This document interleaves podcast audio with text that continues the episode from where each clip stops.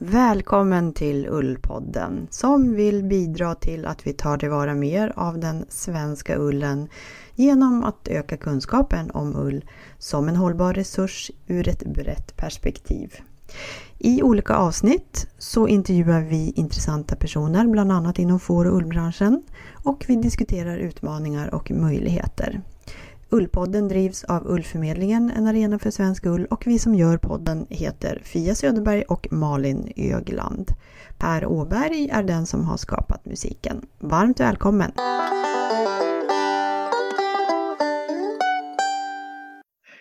Hej och varmt välkommen till Ullpodden nummer 15. Hej Malin! Hej Fia!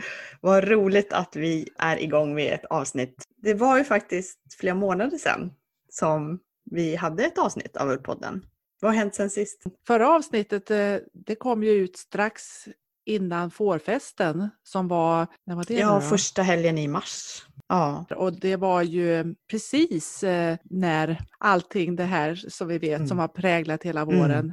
hände. Ja. Så det är ju liksom så fantastiskt att eh, att vi hann med det här med mm. att, att fårfesten hann med. Ja, verkligen.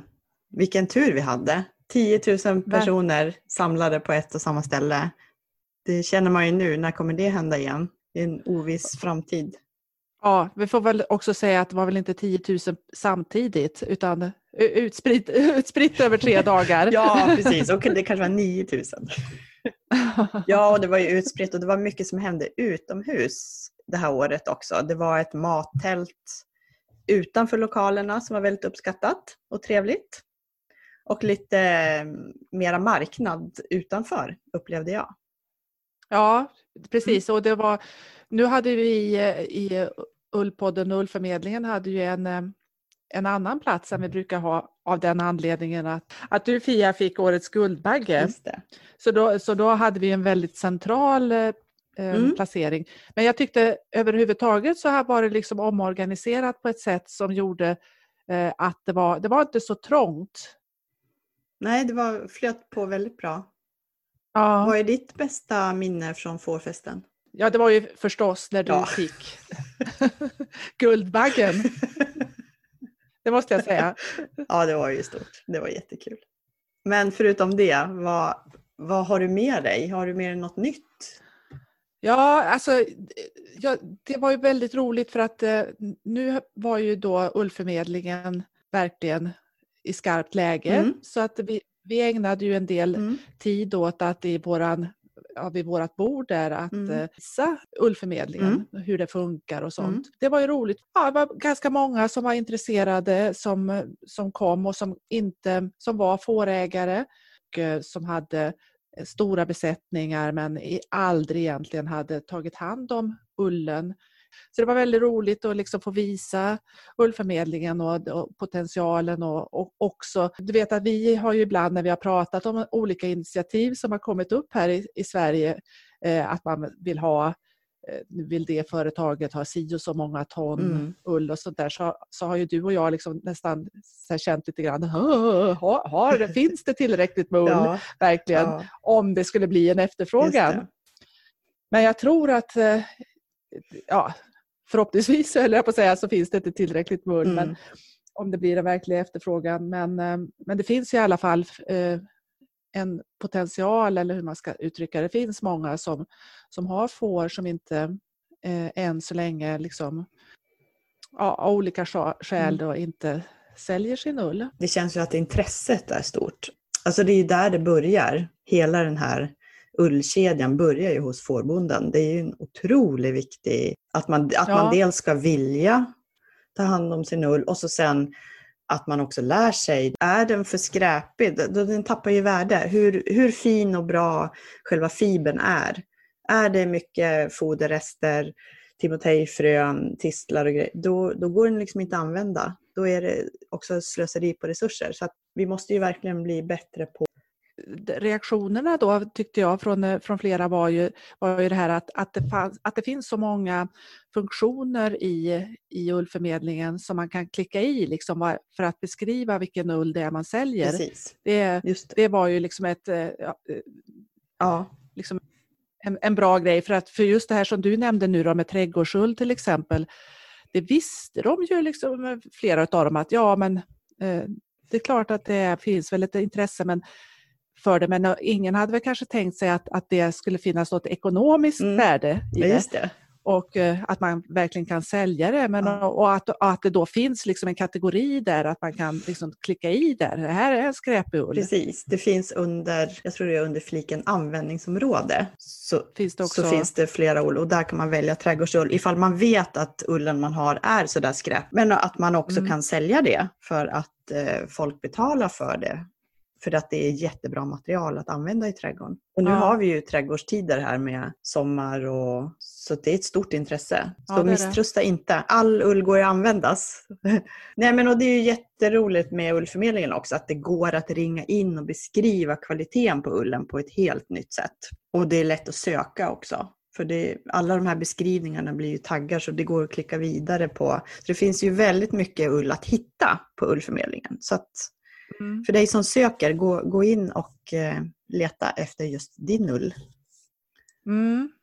Ja, så det, så det tyckte jag var en mm. stor grej liksom med, med fårfesten. Och sen så var jag på ett, eh, ett, ett, får, eh, ett, för, ett får, fåredrag.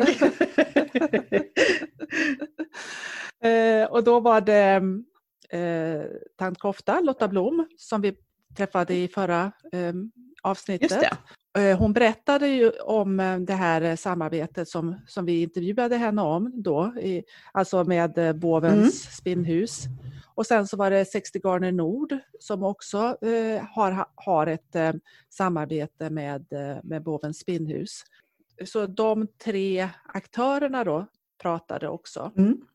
De pratade ju om det här hur, hur det gick till, liksom ja. att de hade kontakter med Eh, med får, fårbönder och de hade liksom, så det var liksom som man kan säga liksom ett litet kluster då mm. där mm. utav eh, garnleverantör, fårbonde mm. och spinneri.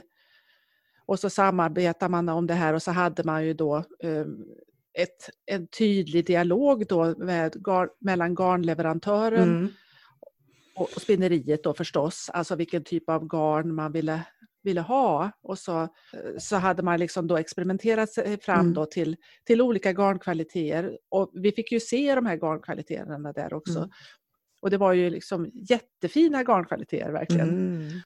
Eh, för, för, vi här då på, på Jön, vi har ju skickat iväg vår första liksom, ullsändning ja. eh, och eh, till ett spinneri och så, och så ska man ju då liksom säga vad vill vi ha då? Precis. och då kan man ju liksom, ja det, man kan välja då på en, två, tre trådigt tror mm. jag. Liksom, I stort sett är det väl det som man kan mm. klicka i. Mm.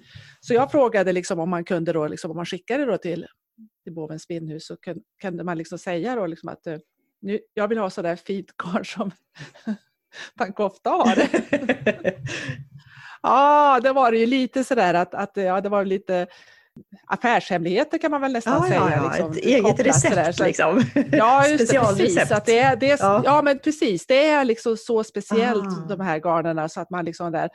Jag tror ju att man i alla fall till, eh, till de här eh, minimillerna eh, att man skulle kunna liksom skriva kanske lite mer mm. utförligt. Till exempel att man, ja, vad, vad man vill ha för ungefär för längd mm. eller om man vill ha det väldigt hårt spunnet eller tvinnat. ja, jag. precis. Jag har ju precis haft kontakt med en minimill för jag ska skicka iväg mm. nu och då var det ju, kunde man ju välja mellan tunt tvåtrådigt, mellan tvåtrådigt eller tjock tvåtrådigt.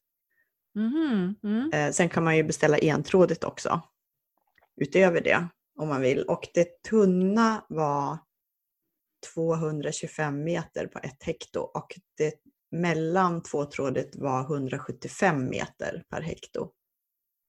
Aha, så det var så... Så så eh, specifikt kunde de ja, säga. Det, precis. Ja. Och sen vet jag inte om man kan skruva på de där metrarna om man har ett närmare samarbete med ett spinneri, om man är på plats till exempel och samarbetar mer, att man kan liksom experimentera på plats. Vi hade ju ett sådant exempel med eh, Tomorrow Textiles eh, som Precis. tog fram den mm. här mm. tröjan som var helt producerad i Sverige, som, eh, där garnet tog fram på Ullforum och där mm. de liksom testade hur hur tunt kan man göra? Liksom? Då var det ju också eh, frågor, mm. andra frågor i publiken mm. då. då var det bland annat så var, var, det några där tror jag som hade tänkt sig att kanske skulle satsa på får mm, okay. och ville ha lite tips då. Mm. Vad, vad ska man ha mm. för får? Och så det, det kunde ju ingen av dem som stod på scenen liksom säga att ni ska Nej. satsa på det här fåret. Så, för att det är ju en stor grej. Men mm. vi pratar ju alltid om månadens fåras mm. tror jag vi kallar det, även fast vi inte sänder. Ja, det är en månad varje månad. ja. ja, då brukar vi ju liksom prata om det här med ja. ullkvaliteter och sånt. Precis. Det finns ju så många fåraser också i Sverige. Jag tror att det är 28 aktiva fåraser i i det här härstamsregistret. Ska vi avslöja här nu redan? Ja, men det tycker jag. Vi har valt eh, åsenfåret som månadens fåras, så vi återkommer med en presentation av allmogerasen åsenfåret, där mm. Filippa Kåröjk var en del.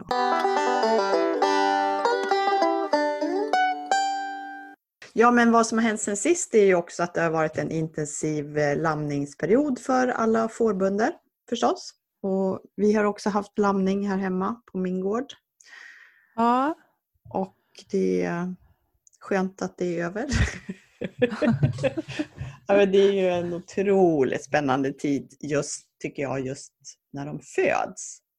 Den tiden tycker jag är väldigt kul, även om man vakar på nätterna och kollar i, i sin övervakningskamera hela tiden så att man inte missar något. För det är bra att vara där ifall det händer något den korta mm. tiden efter. Sen blir det en period där innan man kan släppa ut dem på bete som jag tycker är lite jobbig. När lammen liksom börjar växa och de är fortfarande i, i sin ligghall med rastgård. Och då, då är de lite krävande. Så sen när de kommer ut på bete som nu, då är det ju otroligt skönt. Och då är alla är nöjda och glada med att, att det är betessäsong nu. Men just den där ja. lamningstiden tycker jag är jättespännande. Alla de här stegen ja. man ser att ja, nu ska den där lamma och, och se till att allt går bra och lammen hittar maten. Och, ja, det är kul.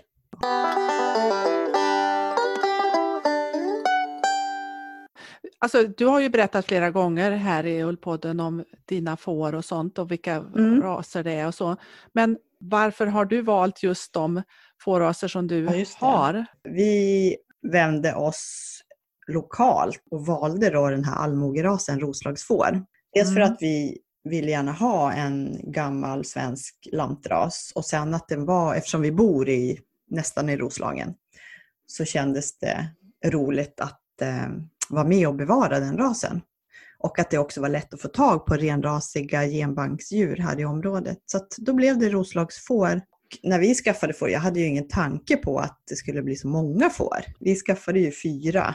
Grädda, Milda, Mocka och Ruta. Två svarta, två vita. Och sen så blev det ju en bagge också. Den ullen var ju, den var ju väldigt ojämn. På de vuxna varierade jättemycket i kvalitet. Mm. Vi tog ju fram jättefina garner, på, särskilt på de vita, eh, där jag blandade lamm och tackull och sen la in lite läster också. Det blev ett jättefint garn, starkt och slitstarkt. Så att de här fåren, deras ull var ju väldigt alltså hållbar. Eh, som ett liksom, ullgarn som man tänker som ett ullgarn. Mm. Eh, bra till sockar och vantar och kanske upplevdes som lite sticksigt av vissa. Men jag tycker inte det gjorde något. Liksom. Jag har ju stickat en tröja av eh, Roslagsgarn från dig. Mm. Eh, utav det svarta då, det som du kallar för svarta då, som jag tycker är brunt. Mm. Eh, eh, och sen, men det är finull i med också. Mm, just det. Mm. Och den, det är ju en, det är en sån där liksom riktig ylletröja. Liksom så verkligen. Ja, precis. Eller ylle, ylle-olle. Ja. Jo, men det blir ju ett härligt garn. Alltså, det ja. gör ju faktiskt det. Mm. Och den lammullen ifrån de lammen, det var ju så jag upptäckte att man kan sälja ull. Det var ju en stor aha-upplevelse på en marknad som jag var på här i Uppland. Jag, tog, jag chansade och tog med mig några säckar med ull och sålde ju slut på allting på en dag. Ja. Och det, det var ju ett sånt intresse, särskilt för den här lammullen. Den var ju jättefin. ja, verkligen. Men, men man gör sina val. Sen blev vi väl mer intresserade av det här med fina skinn och en annan typ av ull och kanske lite större får. För att roslagsfår är väldigt små och Mm. växer långsamt och vi säljer ju köttlådor också så att vi ville ha lite mera liksom, kropp. Så då landade vi i Jämtlandsfåret för att eh, dels så kommer jag från Jämtland och dels är ju det en ny, ganska ny ras i Sverige med en väldigt mjuk, finfibrig ull Mm. som, som är väldigt eftertraktad. Och då kände jag att det var en spännande ras att, prova. Så då köpte vi in några sådana tackor och vi köpte också in några Gotland. Så, och sen har ju Jämtlandsfåren ökat då, så att vi har ju fasat ut Roslagsfåren. För det blir väldigt mycket att hålla reda på flera raser, för vi är ju rasrena också eftersom vi håller ordning på vilken bagge som betäcker vilka tackor. Så Ja, man kan ju inte blanda hej vilt så. Tycker vi, eller vi gör inte det. Just vi, vi har ju rasrena djur. Så nu, och nu har vi 30 Jämtlandstackor och 10 Gotlandstackor. Så i år Mm. fick vi ungefär 65 lamm, 30 tackor var det som var dräktiga. Oj, oj, oj. Ja, många trefödda som man egentligen inte vill ha då. Ja, just det. För de, är- det är lite extra utmaning för tackorna och att de För de har bara två djur. Precis, Spenar ja, de har det. ett juver och två spenar så det är per- perfekt för två lamm. ja, precis. Men eh, är det, tänker du att du ska fortsätta ha två raser då eller ska du fasa ut eh, Gotland också? Nej, jag gillar Gotland. Jag gillar dem båda faktiskt. Eh, jag tycker om Mm. Gotland för att de... Jag gillar den ullen också. Jag Mm. tycker det är en fantastisk ull som också går att sälja väldigt lätt till alla möjliga, mm, ja, framförallt folk som tovar och hantverkare. då. Och det blir ju så fina lockar Mm. eh, och sen blir det fina garner. Även om det kanske blir ganska mycket spill så är det också liksom ett starkt ullgarn som är en helt annan karaktär än Jämtlandsullen. Så jag tycker att de kompletterar varandra. Och så blir det jättefina skinn. Ja. ja, det är ju en helt annan glans på Gotland jämfört med, med precis. Jämtland. Och vi har ju blandat också eh, Jämtlandsull och Gotlandsull till exempel och, och testat att karda, gjort kardflor. Blir Mm. jättefina, lite glansigare med Gotland och sen väldigt mjuk av eh, Jämtland. Då. Mm. Så att vi fortsätter väl så här ett tag till. Vi får se. Mm. Men det är svårt att välja för det finns ju så många raser. Och alla de här allmograserna och lantraserna är ju fantastiska på olika sätt. Och det är väl det som gör att mångfalden av den svenska ullen är så fantastisk. Att vi har så många olika kvaliteter. Så det är inte Ja. lätt att tipsa folk vad man ska skaffa för får. Men ska man satsa på ett ullfår då är det ju svensk finull, en lantras. Ryafår, också en gammal lantras. Eller då det moderna Jämtlandsfåret. Det är de som officiellt är ull, ullfår så att säga. Eh, Projektet med, med Filippa K och så, där, det är ju Finull Dorset va? Finull. Ja, precis. Mm. Mm. Majoriteten av alla fårägare i Sverige har ju korsningsdjur. Man Mm. kanske inte ens vet vilken typ av korsning det är. Och det gör ju också att vi kanske måste börja prata om ullkvaliteter på fåret mycket mera än den specifika rasen. Ja, just det. För att det är ju där de stora volymerna finns ju hos korsningsdjuren och där tror jag ullen ofta är underskattad och det visar ju också det här projektet Ja, precis. Cirkulära yllekläder som där Mm. Filippa K. Röjk var en del.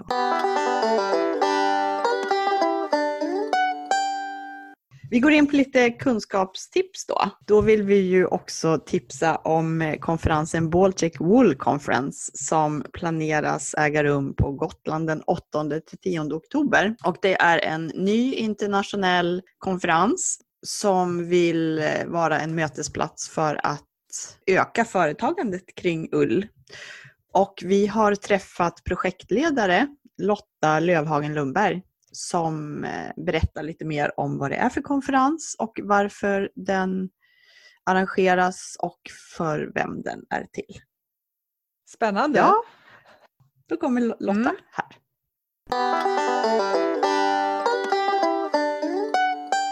Då säger vi hej till Lotta Lövhagen Lundberg som är projektledare för Baltic Wool Conference. Hej Lotta! Hej! Hej Frida!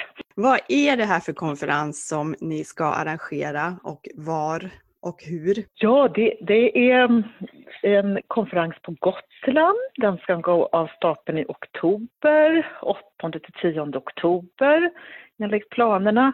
Och eh, hela syftet med den här eh, konferensen det är att försöka skapa en, en mötesplats, alltså för inspiration och för, för kunskapsutbyte där man kan få träffas för att här, utveckla ullaffärer. Okay. Så nätverkande, business to business inriktat okay. är, är, hela tanken. Och vem riktar den sig till om den heter Baltic Wool? Hur tänker ni där? Vi tänker att det är internationellt och Gotland ligger ju väldigt lägligt eh, mitt i den här mm. the Baltic Sea. Mm. Så att eh, vatten runt omkring och vatten har ju alltid förenat så att det är en, tycker vi då, en bra mötesplats för att prata ullfrågor och vi har ju många grannländer som är väldigt duktiga på det här med att att mm. jobba med ull. Mm. Att uh, hitta en plats där man kan byta erfarenheter, ja, träffas, nätverka. Man behöver inte bo i ett baltiskt land för att besöka konferenser utan den är internationell, eller hur, hur funkar den det? Den är internationell och det, tanken är att den ska genomföras på engelska. Mm. Och vi kan väl säga att redan nu, vi har en, en hemsida då som vi har lagt upp information och eh, där har vi fått in, ja det är nog närmare hundra stycken som har anmält intresse för mer information och jag tittar efter och det är, mm. ja, det är från tio olika länder och det, mm. de är inte bara runt Östersjön okay. utan man är helt enkelt intresserad tror jag av de få raser som finns finns runt här. Vad kommer konferensen innehålla? Vet ni det redan nu? Tema dag ett, det kommer handla om marknad, trender, affärsmöjligheter, mm. Den typen av spaningar. Och dag två är tänkt att vara mer så att säga, inriktat mot produktion, teknik, innovation. Mm. Och vi kommer ju ha talare både från så att säga, affärslivet eh, och från eh, universitet mm. och så. Så att det blir ju liksom blandat kompott. Mm. Dag tre är tänkt att vara studiebesök och eh, vi har ganska mycket verksamhet här på Gotland så vi vill ut i buskarna och titta och prata. Ja. Men du, de här talarna, är det också internationella talare? Ja, det kommer det vara. Det kommer vara från, ja, det kommer vara blandad kompost. Vi har också planen att lägga in mycket tid för, för mingel och för att mm. kunna umgås och eh, presentera saker för varandra. Så att, ehm, ja, en aktiv konferens det hoppas vi på. Ja, vad spännande. Vilka är ni som arrangerar konferensen? Hushållningssällskapet på Gotland är värd, mm. men det är tillsammans med Nämnden för hemslöjdsfrågor och Region Gotland. Mm. Det finns ett långsiktigt tänk, alltså att, eh, att det här inte ska bli en, ett engångsmöte utan att det ska vara en, en årlig mötesplats och som ska ja, i de bästa världar kunna, kunna växa och utvecklas. Okay. Vem tog initiativet? Var, varför kom det just nu tror du? Alltså initiativtagare det är faktiskt tillskrivas Ann-Kristin Hult på Nämnden för hemslöjdsfrågor okay. mm. som ju jobbar med nationell utveckling och hon har väl också sneglat på hur kan man ta nästa steg, hur kan man mm liksom just främja svensk ullindustri genom att också knyta internationella kontakter. Mm. Och hon såg ju också att det saknades en arena att träffas i den här säga, delen av världen. Det finns ju eh, atlantiska träffar och många andra typer av ullträffar men just inte i vår del av på jordklotet. Så det, är, det var väl det och varför just nu? Jag, jag tror egentligen att hennes tanke är eller jag vet att hennes tanke är gammal och jag hörde den först ja, för ett drygt ett år sedan. Så att den, det är nog en idé som har mm. mognat, mm. mognat fram. Mm. Och man kan väl säga att beslutet att um, genomföra det här, det, det togs ju innan pandemin bröt ut. Ja. ja, men med anledning av pandemiläget här nu då, hur anpassar ni konferensen till, till det rådande läget? Ja, det, det har ju liksom förföljt oss då sedan, sedan mars då. Hur gör vi? Eh, jag menar, det går inte att samlas mer än 50 personer. Men vår inriktning är, och jag ska ha möte här med eh, finansiärerna så att säga här senare i veckan, hur vi gör. Vi ska ta beslut lite längre fram. Men än så länge så tänker vi att vi ska genomföra ett fysiskt möte även om det blir begränsat. Vi tittar också på möjligheter att komplettera på något sätt med ja, man har hybridmöten, alltså att man har delar digitalt. Eh, vi, vi, har in, som vi tänker nu, men vi, vi är ju inte färdigtänkta, i att vi i alla fall ska inte ha ett helt digitalt möte för då tror vi inte att vårt syfte uppnås, att vi faktiskt får träffas och mötas.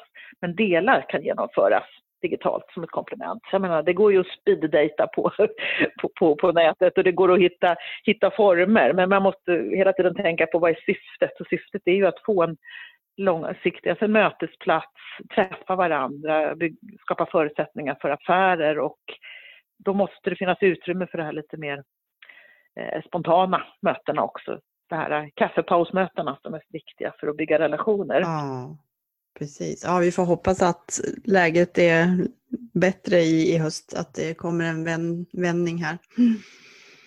Mm. Så att ännu, ännu så hoppas jag att detta ska kunna genomföras men mm. ganska säkert så blir det inte som vi har tänkt oss utan vi kommer få skala ner något. Mm. Men vi hoppas på, och intresset verkar ju finnas, mm. det som, så att något ska, det, något ska det bli och det får bli en start och så får man tänka långsiktigt att det här blir det första mötet så kanske vi kan komma igen och ja.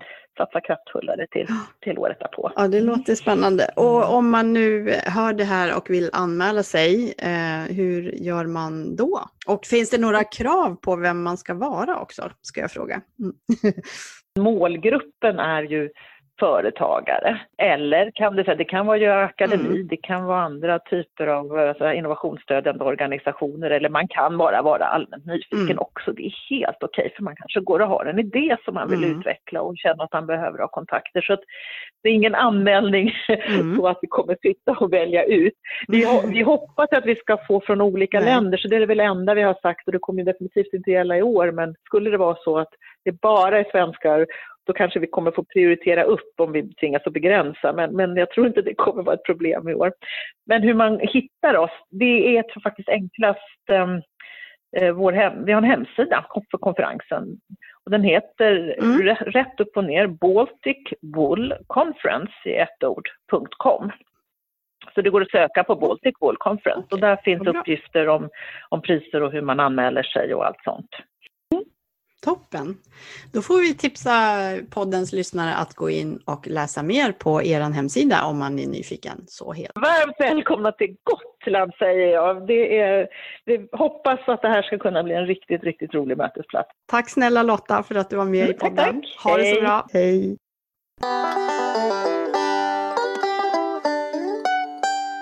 Ja, då har vi månadens fåras. Tjoho! Åsenfåret.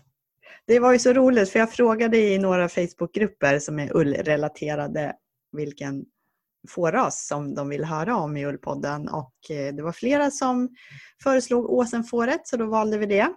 Det var det väldigt många andra roliga raser också men vi sparar, sparar dem till framtiden. Ja, det är ju eh, kul det här. Det finns några avsnitt kvar utav Ullpodden ja. kan man säga. ja, det hoppas vi. och sen har vi alla korsningsvarianter som vi kan ta upp också så vi kan ju hålla på många år. Om vi vill. Eh, men i alla fall, Liselott Eriksson tycker att åsenfåret är en väldigt trevlig ras med en härlig ull. Hon har haft eh, åsenfår tidigare och valde den faktiskt just på grund av ullen. Mm. Eh, för det var en väldigt stor variation eh, inom besättningen. Och åsenfåret är ett relativt litet får. Tackorna väger 40-50 kilo.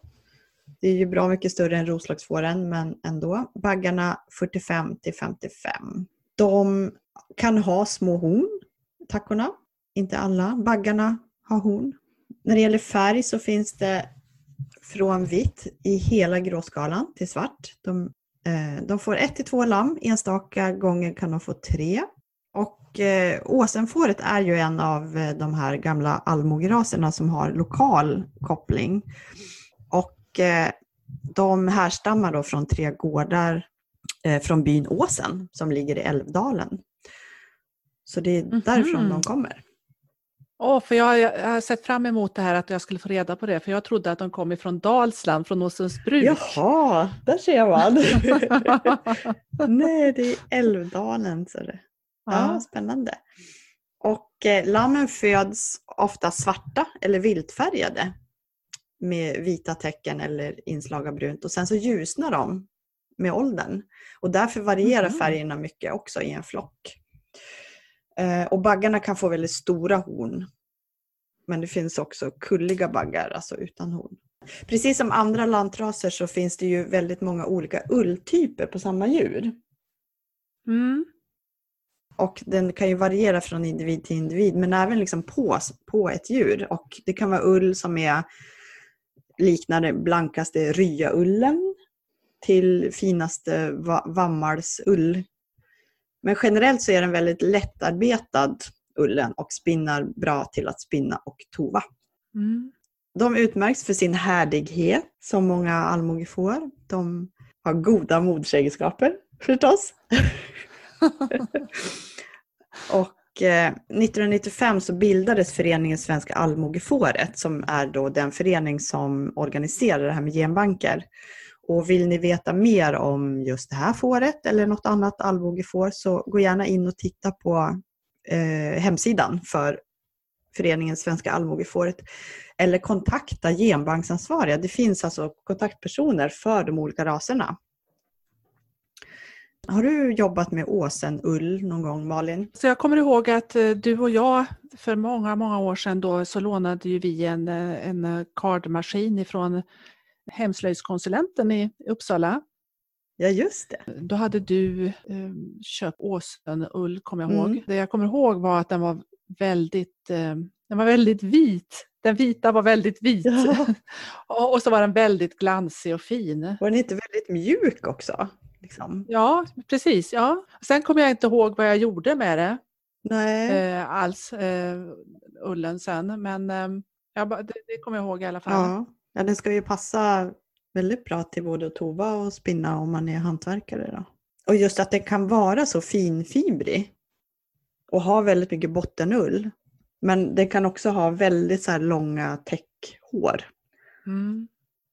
De är ju väldigt, eh, ser ju ganska, jag har en bild här på en bagge som är liksom olika färger på kroppen. Den är ljus och så har den mörkt kring ögonen, grå på ryggen och så stora fina horn. De är väldigt roliga eftersom de, har, de är så olika i färgerna. Mm. Det finns alltså 59 genbanksbesättningar i Sverige av, som ja. håller åsenfår. Och 2019 fanns det 419 renrasiga tackor i avel. Mm. Och de födde 644 lamm. Och det fanns också 69 baggar i avel. Så det är mm. de som har genbanker då som som avlar på den här rasen. Det är där de siffrorna kommer ifrån. Sen kan det ju finnas lite olika korsningar också. Sen har vi ju en liten tradition också sen vi hade Lesterfåret i, i Ullpodden då, att kolla om, eftersom Leicester då är ju också ett, eh, ett fotbollslag i Premier League, så har vi ju liksom, vill vi ju gärna kolla på också om, om våra våra fårraser har något fotbollslag. Ja precis, hur är det med Åsen då? Åsens SK finns i Älvdalen. Fantastiskt! Mm. Alla får borde ha ett fotbollslag. Jajamän. Det var som tusan. Jag vet inte, det kanske dröjer innan de fårraserna kommer in i allsvenskan men på sikt så. Vi får jobba för svensk skull. Så. Ja, det kanske är ett roligt framtida samarbete för att uppmärksamma den svenska ullen. Ja. och få fler att skaffa får. För att det är ju mm. så att eh, det har ju minskat också, alltså antal får i Sverige. Jag tror den här sommaren 2018 gjorde att det var folk som slutade och att det skrämde bort lite. Ja. Men vi behöver ju verkligen våra får för den biologiska mångfalden också. Och ja. sen är det ju väldigt kul att ha får. Det är ju väldigt trevliga djur, eller hur? Ja, det är det verkligen.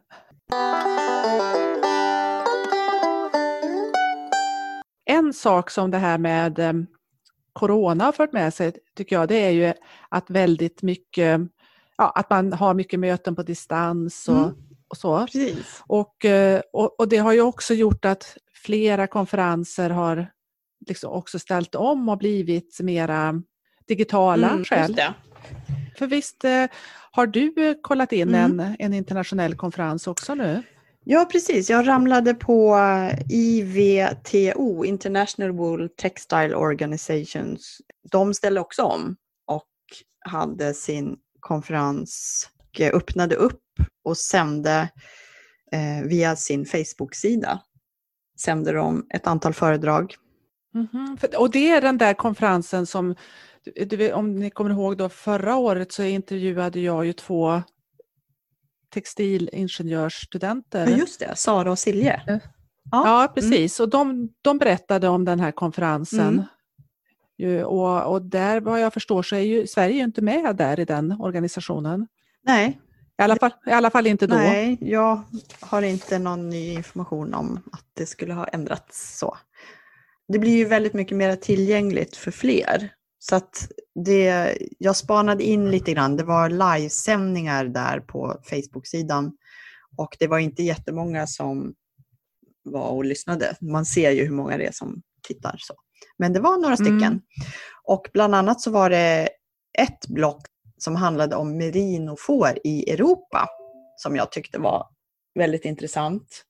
Det var en kvinna mm. från England som pratade om merino i England och så var det från Schweiz och en man från Rumänien som pratade om, om merinofår i Rumänien. Det finns 40 000 merino i Rumänien. Mm. Och 100 miljoner får finns det i Europa. 10 procent av dem finns i Rumänien. Det är alltså 10 miljoner får. 7 eh, procent ungefär av dem var merino. Eller så mm. fanns det en hel del merinokorsningar också. För de hade en eh, turkana, en, en inhemsk ras i Rumänien och den är ju den är störst. Då. Och sen finns det också korsningar mellan Turkana och Merino. Det var intressant att höra, så att jag, det vill jag tipsa om. Och för de ligger kvar de föredragen på IWTOs Facebook-sida. Vi kan ju lägga ut länkar också i poddens sida. Mm. Och det var ju väldigt mycket annat som handlar om ullindustrin och eh, textilindustrin. Det här var ju bara en bråkdel av det som jag fångade upp, så att gå gärna in och spana. Så det är ju fördelen med det här digitala, att det blir mer tillgängligt för fler. Sen är det ju mm. tråkigt att inte alltid kunna träffas fysiskt förstås, men det var ju som Lotta sa för den här Baltic Wool Conference att de kommer ju försöka göra kanske någon kombination då. Mm. Men att sen är tanken att den konferensen ska återkomma varje år.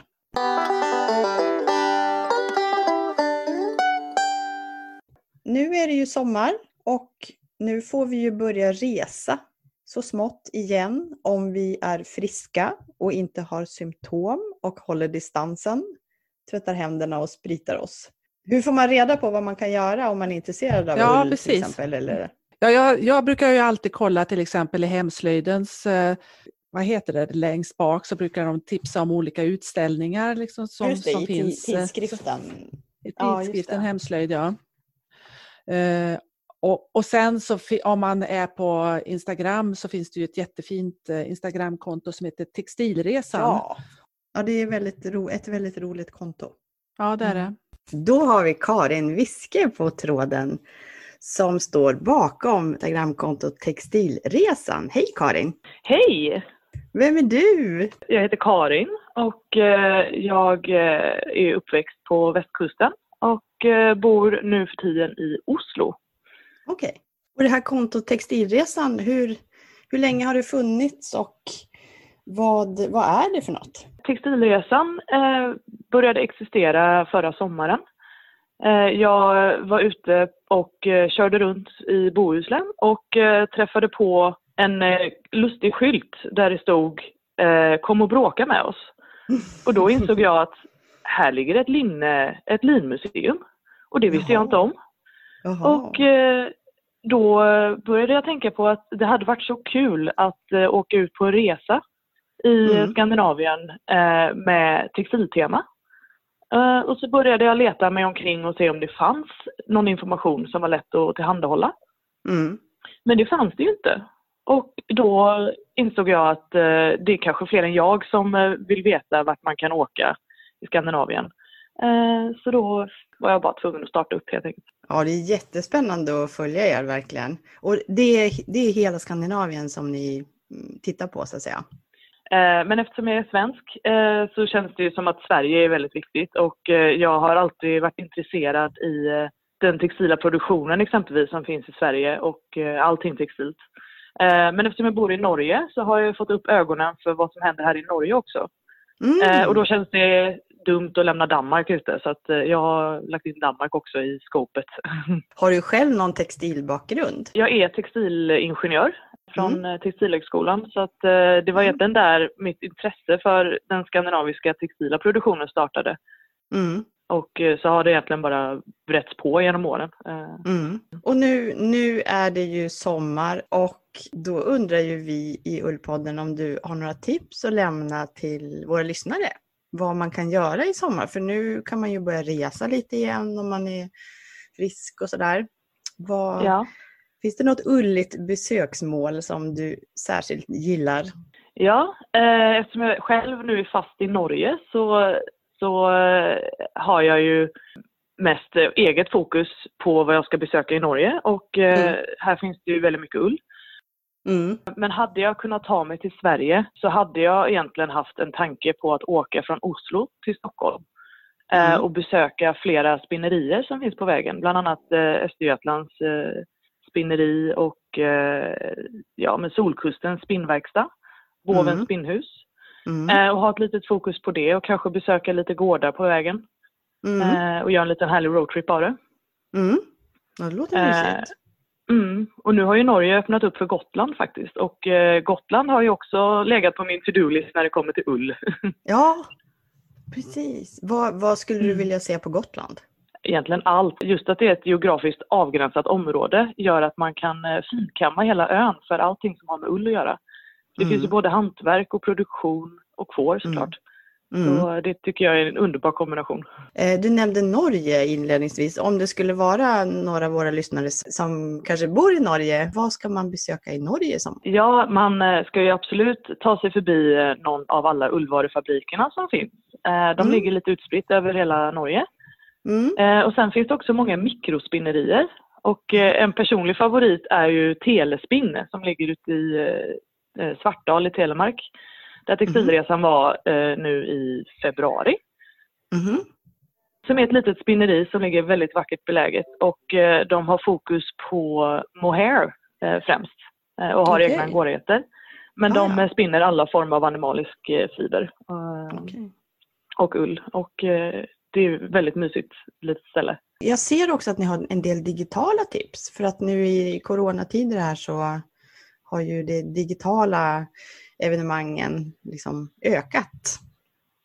Tittar Ja, ni också precis. på liksom vad som sker digitalt så att säga?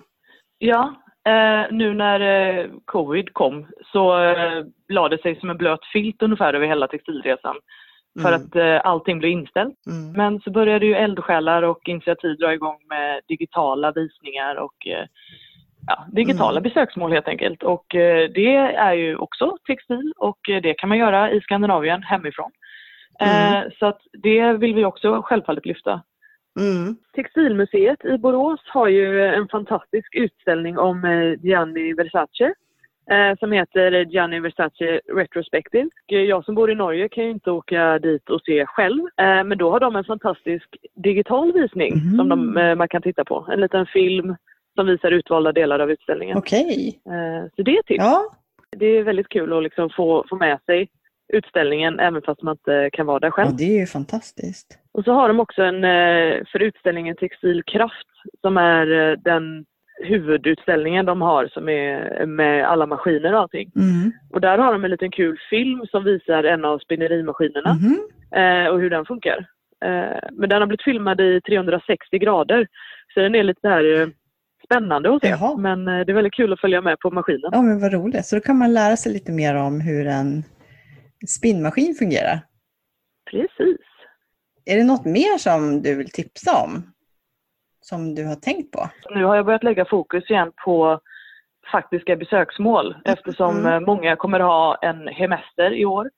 Ja. Så vill jag att man ska ut och utforska det textila i närområdet. Jag har ju börjat ulldagarna nu på Textilresan. Mm. Eh, och det är så många små gårdar runt omkring som har får Mm. och som utnyttjar eh, vad fåren har att ge till fullo. Mm. Och man kan besöka dem och man kan se fåren och sen gå in i butiken och köpa Mm. allting inklusive ull och ullgarn. Eh, och det är eh, väldigt härligt att, se tycker jag. Ni kommer tipsa om fårgårdar också som man kan besöka. Många spinnerier och så men också en del gårdar och hantverk. Eh, Mm. Så man får följa med lite nu. Nu blir det mycket. Ja, vad jättespännande sommaraktivitet. Och hur, hur länge håller Textilresan på med de här ulldagarna? Jag tänkte en vecka men det kommer ju hela tiden nya grejer Ja. så att eh, man vet ju aldrig. Nej. Men jag tänkte att eh, vi skulle köra på hela veckan här och bara mata på med massa härliga ulliga tips. Och då är det ju så bra, att, Mm. för då ligger ju inläggen kvar. Så att om man vill ta del av Textilresans tips eh, så kan man ju gå tillbaka och titta på, för bilder och texter ligger ju kvar bakåt i tiden. Ja precis. Precis. Tipsen blir ju för det mesta inte eh, gamla. Nej. Eh, så att, eh, det är ju bara, bara att gå in och titta på Instagrammen. Tipsen håll, Mm. håller ju hela sommaren och kanske ännu längre. Håll, håll, Ja, hållbara precis. tips för hållbar ull. På Instagram så finns vi som Textilresan eh, och där kommer alla tips om utställningar, mässor, besöksmål och digitala besöksmål såklart också. Och så har vi en blogg där det är mer hands-on tips eh, där Textilresan själv har varit eh, och hunnit vara. Och eh, sen finns vi också på Facebook för de som inte har Instagram så delas allting där med. Så man kan hitta oss genom att söka på Textilresan. Okej, man kan googla Textilresan helt enkelt så hittar man också Mm. till bloggen. Absolut. Yes. Mm. Jag tycker bara att man ska våga sig, ge sig ut i närområdet och se vad det finns där. För att det kan vara allt från en liten garnaffär till en, en stor producent som har fabriksvisning eller en liten utställning på det lokala biblioteket. Textil finns överallt så att eh, man kan få en riktig textilsommar om man verkligen vill. Mm, härligt, då satsar vi på Mm. det. Mm. Tack snälla Karin för att du var med i Ullpodden och eh, lycka till med allt i sommar. Tack så mycket och tack Mm. att jag fick vara med. Superkul! Jätteroligt. Vi följer ju ditt konto också på podden och eh, tipsar ibland om, om att ni finns. Så att det var jättekul att få prata lite med dig. Härligt! Tack! Bra, ha det bra, tack! Detsamma! Hej! Och apropå Instagram så får ni ju jättegärna följa oss på Instagram. Gör inte alla det redan? Nej, det tror jag inte. Och Ullförmedlingen och Ullpodden har ju ett eget Instagramkonto och vi har inte varit jätteaktiva sista månaderna på grund av läget. Men eh, vi fortsätter ju förstås, så kolla där. Och sen har du ett konto Malin. Vad heter du? Rut och Randi? Och jag heter Lammfia. Ja, men då ska vi väl säga tack och hej för den här gången. Ja, ha det så skönt i sommar. Ja, ha en underbar sommar allihopa. Och har ni frågor och funderingar, eh, skicka in dem till Ullpodden via Facebook-sidan eller på annat lämpligt sätt. Vad bra! Hej då! Ha det, ha det, Ha det bra. Ha det bra! Hej! Hej då! Avsnitten hittar du på www.ullformedlingen.se och du kan också följa vår Facebook-sida Ullpodden där vi publicerar länkar och bilder som anknyter till det som vi har pratat om. Ha det så bra, hej då!